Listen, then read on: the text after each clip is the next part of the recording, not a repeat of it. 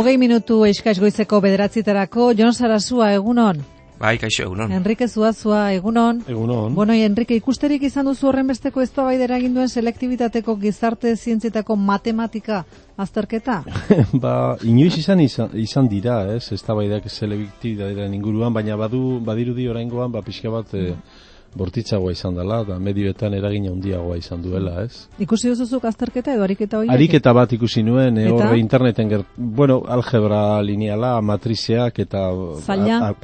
ba, seguru seguru nola baita sinaturaren barne zegoela, baina, baina bueno, nik ulertzen dut bai, amazazpi urteko gazte baten dako, eta egun batean hor izaten diren presa eta tensioekin, errez errez zela izango ez. Bueno, horrek ez zuazua badakizue matematika katedraduna dela. Besteak beste, kurso bukaerara iristen ari gara, eta bi unibertsitate irakasle gurekin ditugula baliatuta, unibertsitateko auta probari edo selektibitateari tiraka osatu nahi dugu gogo eta ostiralonetan, ez da gure asmoa matematika azterketa jakin hori egokia otezen ala ez eztabaidatzea, baina polemika horrek helduleku bat baino gehiago jarri dizkigu begibistan guri interesgarriak iruditu zaizkigunak Azteko gehiegi errezten ote zaizkien gauzak nerabiei edo zen mailarekin iresten diren unibertsitatera. Bueno, aipatu beharra dago dena esaten hasita unibertsitateak eh, onartu duela ikasgai horretan gizarte zientzietako matematikan iaz baino mm, bajuagoak izan direla notak, bataz besteko 4,6koa izan da, iaz 6,4koa eta erdia baino gutxiagok gainditu dute hori esan da dago, eh? Baina, badira beste ertz batzuk ukitu nahi ditugunak, eta bat, ba, hori, ze mailarekin iristen diren unibertsitatera gure ikasleak. Zai daukagun beste lagun batera agurtu nahi genuke, selektibitateko azterketak zuzentzen aritu da bera hogei urtez, eta hogeita mar urte egin ditu irakaskuntzan. Gaur egun Urola ikastolako zuzendari albokoa da Mikel Alberdi, egunon. Kaso egunon bai. Euskal Autonomia Erkidegoan euneko larogeita emezortziak gainditu du aurten selektibitatea zuen ikastetxean zer moduzko notak hartu dituzue? Bueno, ba, guposi gaude. E, Urola ikastolan euneko eun gaindutu ditugu eta eun da sortzi ikasle genituen. Begira. Eta matematikako azterketa eztabaidagarri horretan, en, gurean hogeita zazpia orkestu ziren eta hogeirek gainditu dute eta sortzia behatziak eta amarrake badira. Hmm.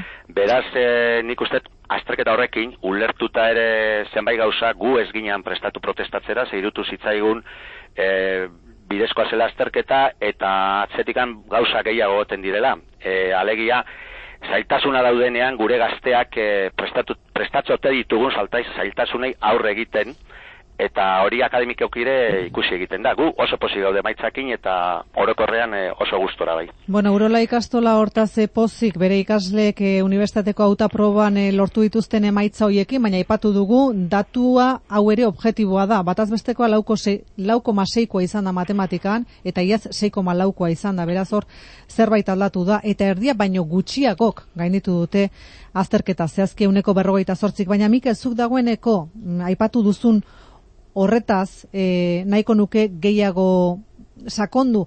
Mm, formulazioa, mm, bueno, entzun ezagun aurrena, Euskal Herriko Unibertsitateak onartu du formulazioa ez zoikoa izan dela eta horrek eraginduela zailtasuna, ez? Baina temario barruko ariketa zela eskatutakoa. Entzun dezagun aurrena Idoia Fernandez Euskal Herriko Unibertsitateko ordezkariaren azalpena. Agian ezberdintasuna da ariketetako batean enuntziatua egiterakoan kontestu anterializatu dela problema ba, gizarte eta ekonomiaren arloan eta horrek sortarazi omendu ikasleengan percepzio bat ba, zailtasunekoa edo Hori da akaso gertatu dena, Mikel, formulazioa ulertzen zaila zela? Ba, bai, e, nik uste dut, e, bueno, nik ikasleekin hitz egin nuenean, e, gurean behintzat komentatu zuten, bueno, habilidade pixka behartzela, baina baita ere esaten zuten, e, matrizak egiten zekienak, e, arazo hundirik ezin zuela izan, hori egiteko, pixkat, arreta pixkat ipini ezkero, e, oiturak garrantzitsua dira, eta ez dakit, nik batzutan dauka sentsazioa gure ikasle hauei, eredu konkretu bat pikin bat aldatzen badiegu, e, nahi gabea sortzen zaiela, urduri ipintzen diela, eta nolabait e, dakitena edo eman dezaketena ere ez dutela ematen. E, olako zerbait gertalik, e, e, Alegia, formulazioa pixka bat aldatuta, jada e, lekuz kanpo geratzen direla ikasle horiek eta ezin asmatu. Bai, ba hori, hori gerta daiteke bai. Hori gerta daiteke eta eta ez dakit askotan en prestaketara egiten degun en zailtasunei aurre egiteko. edo prestaketa esotean egiten, gaur egun antolatuan bezala batxilergoa, azkeneko kurtsua dago den antolatuta, e, azterketa sakratu hori, nola baita esan, e, oza, azterketa horrek e, nabardu asko ditu, eta bueno, zalantzagarria da, eta bar, baina azterketa hor dago, hori prestatzera bideratzen da. Eta prestaketa egiten da eredu batzu jarraituz.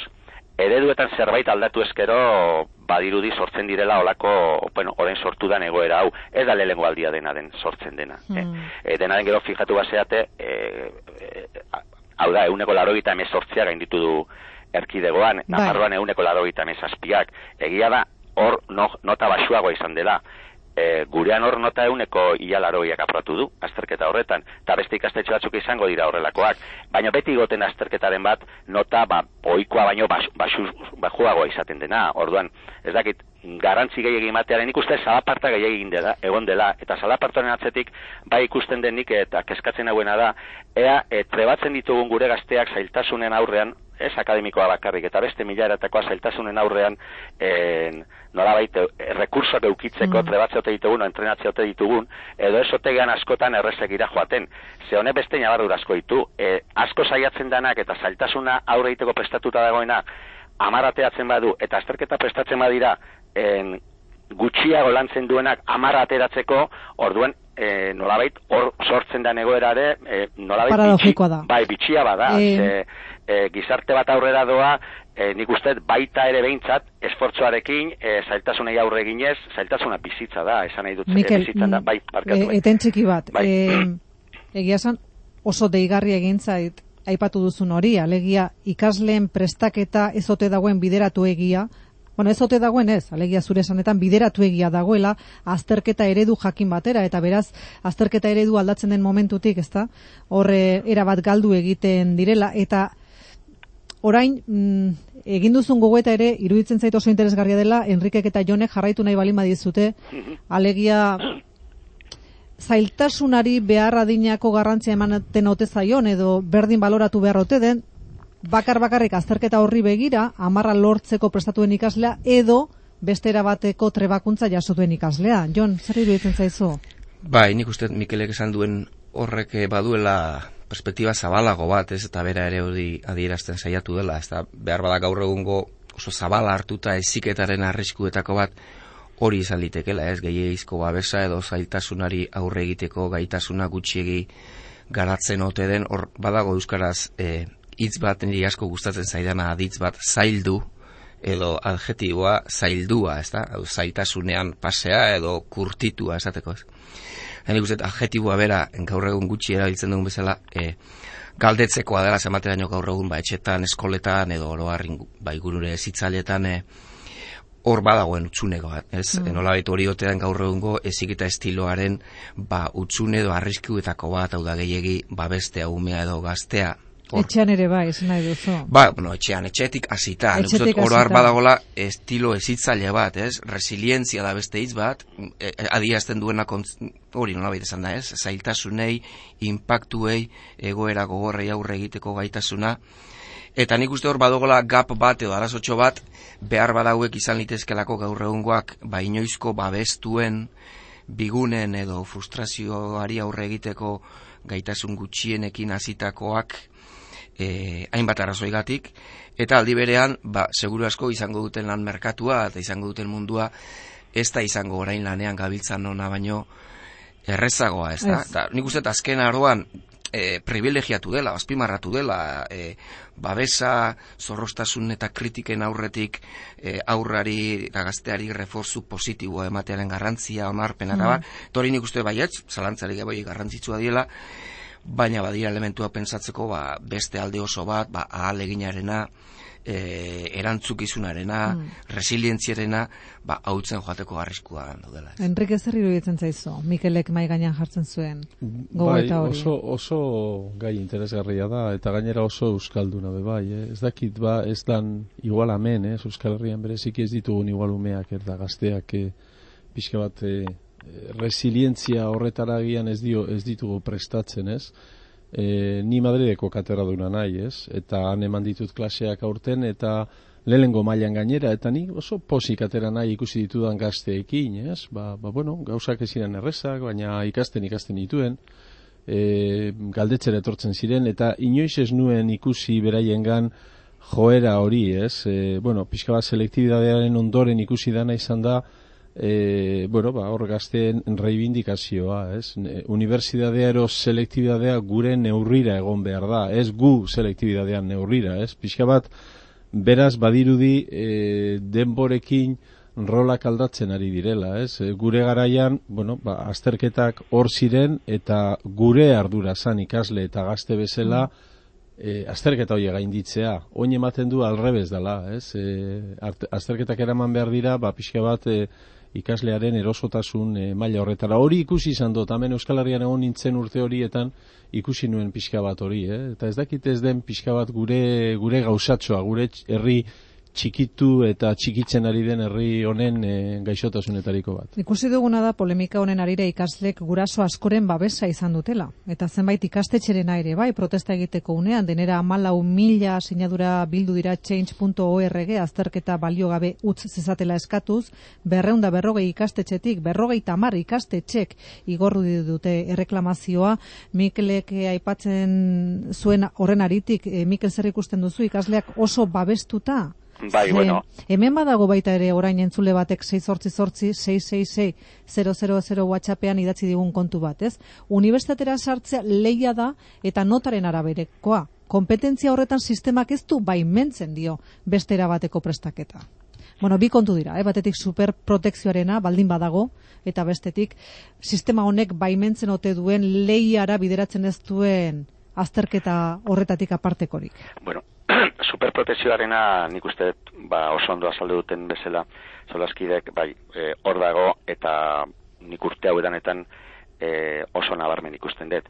Eta ez zait gehiagi gustatzen. Nik uste gazteak mm, garaiontako gazteak dudarik gabe abantaila asko dituzte eta eziketaletik aspektu askotan oso ondo zita daude. Zertan, zertan. Zertan bueno, datu zobetu esate baterako, zelen aipatu dugu, zuko geita urte dara matzula irakuskantzan, mm. historia eta arte garaikideko irakaslea zara, iru amarka dauetan ikusi duzunaren arabera, zertan alderatu liteke? Bueno, ba, begira, orain e, gazteak sorionez e, beraie dituzten e, erlazio afektibo familiarrak eta ingurukiko duten harremana eta beraien buruakiko duten harremana uste alde batetik behintzat erlazatuago dela. Igual erlazatu egia, eh, mm. nahi dut oso, en, arazo bat handia dago erabakitzai kalagarri kostatzen zaie. Beraiek oso konektatuta bizi dira, tresna guztietara, baina binkulatuta ez, binkuloa kompromisoak hartzen du e, konetatuta bat egon daiteke, baina zapin egiten gauza guztikin. Zapin egiten dezu harremanetan, zapin egiten dezu ikasketetan, zapin egiten dezu gauza guztitan.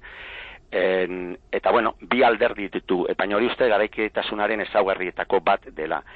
En, orain, en, nik babestea kontuakin gaz bat esango nizuke. En, ez etzean irakastea, ez etzean ezitzea ona da. Hau da, erakutsiko gainek gaztei egiten gaztetatikan zerbait etzaiena gustatzen, aktiboki eta disiplina, disiplina baten bitartez, e, pertsonari e, nolabait e, zailtasunen aurrean e, hasi egiten da eta esi egiten da. Ze azkenean bizitzan daude lainoak eta eguzkiak eta tokatuko zaizkie plazerrak eta sufrimentoak eta tokatuko zaizkie. Eguzkia gainera gutxi xamar azkenean. Bueno, bai, hori, hori ere, bai, hori horrela da. Eta nolabait e, eziketak eskuntza bintzat, bigarrengo eskuntzan, e, izan beharko luke integrala baldin bada eta osotasunean begiratuta, ba, eman, eman gure gaztei tresnak, bizitzak eskaintzen dituen gauza guztiak, hasi espiritualitetikan, eta baita ere beste muturreraino, e, placer guztietaraino edo gizarte eta, eta gizarremanetarako, eta denetarako tresna batzuek hor gizatasunez kokatzeko. Bueno, e... eta bueno, gero komentatu desuna beste azterketa dena leiarena, bai, leia da, gaur egun dudarikan ez da selektibitatea sartzea leia da, orain, jendeak esaten zuen, jode, azterketa hau izan bazan, lehen urtekoa bezala, ni agian sartuko nitzan, eta ni agian ez, baina bueno, horrek erantzun erreza mm. dauka, eske filosofiako azterketa beste bat izan bazan, edo beste azterketa beste bat izan bazan, sartuko zirenak ziren batzuek, eta besteak ez. Hau da, kompetitibidade bat badago, antolatuta, eh, irakaskuntza publikoan bati bat ikasgai e, zea batzutan, jarrera batzuetan, eta noski leia hor dago. Orain, zaude, zaude, eh, Mikel, bai, ze denbora bai, gutxi daukagu, ez da bai da oso interesgarria da, e, orain entzulek idazten ari diren bezala ese, oso gustora entzuten ari diren ez da bai da. Jon, pixka bat, denboraz badakizu ze justu ibiltzen garen tarte honetan beti, baina pixka bat ezkuntzaren desafio ez ere hitz egin beharko dugu hortaz, ez? Zuk nola labur bilduko zenuke hemendik aurrera, zeintzuk diren erronkak? Ba, bueno, nik uste hor, ezkuntza dagoela gaur egun e, tiradizo edo tensio indar desberdin askoren artean e, zalantzan eta tensionatuta, ez da alde batetik dago lan merkatua eta horretarako gazteak prestatu beharra, bestetik gizakia bera barrutik denari erantzun nahi dio, bestetik badagolako berrikuntza izeneko toten bat gizarte oso oso zabaldua eta etengabeko berrikuntzaren ansiedade hori ere gainean dauka, Eta, bueno, nik uste lan, etxeko lan asko egin behar dituela, asko eskatzen zaio gaur egun e, ezkuntza arautuari, nik uste, ba, aipatu genuen beste behin ere, ba, familia eta tribu zabalagoa eta ari diela, ba, bere responsalia batzuk, ba, eskola gainean izten. Orduan, bueno, desafio asko dira, ni pixkat eseptiko nago, e, bueno, gauza batzuekin, ez da, biz, berrikuntzaren kontzeptua, bueno, uste beti importantea, eta ni oso probazalea izan ez gauza askotan, Baino, uste konturatu behar dugula berrikuntza nolabait badela nolabait kapitalismoaren odola, ez? E, etengabeko azelerazioa dela kapitalismoa, horrek eten, e, enpresa mundua jartzen duela etengabeko berrikuntzaren azelerazio ansiedade horretan, eta enpresarentzat e, ezinbesteko arnasa bihurtu den berrikuntza hori, poliki-poliki mimetismoz gizarte osora zabaltzen ari dela balore nagusi edo toten moduan, eta berria dena ona da, eta, eta nik uste eskuntzan ere hori iritsi zaigula, eta metodologia bat berria dela esaten baldin da, ba, printzipio zona da, eta ikusten ari gara unibertsitatetik eskuntza e, lehenagokora ere, ba, badela olako ansiedade berritzaile bat, Eta nik esango nuke, jo, eskuntzari dagokiola beste patxada batekin, nahaztea, zarra, berria, gizakia eta gizartea, gizakiaren zenak eta eta lan merkatuaren eskaintzak, torretarako behar dela denbora, behar dela perspektiba, behar dela patxada, eta ezin dugula hortan enpresa mimetizatu berrikuntza kontzeptuaren ba, azelerazio mm. horrekin, eta bueno, nik uste eskuntzak desafio asko dituela eta eta poliki joan behar dela honetan. Ez. Enrique, zure hitza ere entzun nahi dugu? Bai, ni antzinakotasunaren aldekoa nahi ez. Gure herria, gure hizkuntza zaharra da eta zartasun hortatik abiatuz nik uste dut gauzak eh, hobeto e, planeiatu behar ditugula etorkizunera begira. Badago oso bitxia den gauza bat, ez? Eta da, e, ikasle gehienek selektibitate azterketa euskeraz egiten dutela, baina gero atzo esaten zidaten, ez? E, em, Uriola aldizkariko kasetari batek esaten zidan hemen deuston, e, azkenengo estatistiketan ikusten dela Bilbon e, euskeraren erabilera kalean e, geisten joan dela, ez? Beraz hor badugu, hor badugu erronka handi bat, ez? Eta eta hizkuntzarekin ez badugu asmatzen ez dut uste algebra linealarekin asmatuko dugunik. Bueno, ba hementxe utziko dugu ez gogo faltaz, demora faltaz baizik oso interesgarriak iruditu baitzaizkigu hainbat gogoetan naiz eta aipatu behar dizuedan hainbat entzule ere asarretu dituela ze itxuraz ba gehiegi eskatzen ari zarete edo e, zure gana joan bereziki Mikel bai, bai. ikasleen bai. e, ikaslearekiko exigentzia maila ez ze esaten du batek adibidez, baina gero eta aukerrago daude, gero eta ilze ilusio aukera dauzkate, ikasi beharra, leia, leia, leia, gizarte gaixo batean ez, eta gainera, bueno. Bai, ez bai dasko nazten dira hor bai. Bueno, kontua da matematikaren azterketatik abiatuta oraindik ere gauza asko daudela, honetaz hitz egiteko, baina guri oso interesgarri iruditu zaigu ertz hori ere ukitzea, alegia behar bezala zail duta ote dato zen autaproba horretara. Ikasleak edo bestera batera antolatu beharko hotelitzateken hezkuntza eredua. Ba, Mikel Alberdi, Urola ikastolako zuzendari alboko eskerrik asko benetan. Zuei, mila esker. Jon Sarasua, Enrique Zuazua, eskerrik asko. Enrikeri gaur zortzir arte esango diogu, baina Jon Sarasuari gutxienez oporrak ondo pasatzeko esango diogu, ze? Gaur zortzi ez, gaur amabost. Gaur amabost, barkatu. e, dagoeneko ia ikasturte amatu, amaitu zaigu, eta zuritzaizu egokitzen, ja. Jo. Uh -huh. eh? Beraz, oporrak ondo ondo pasat eskerrik asko benetan. Berdin zuire.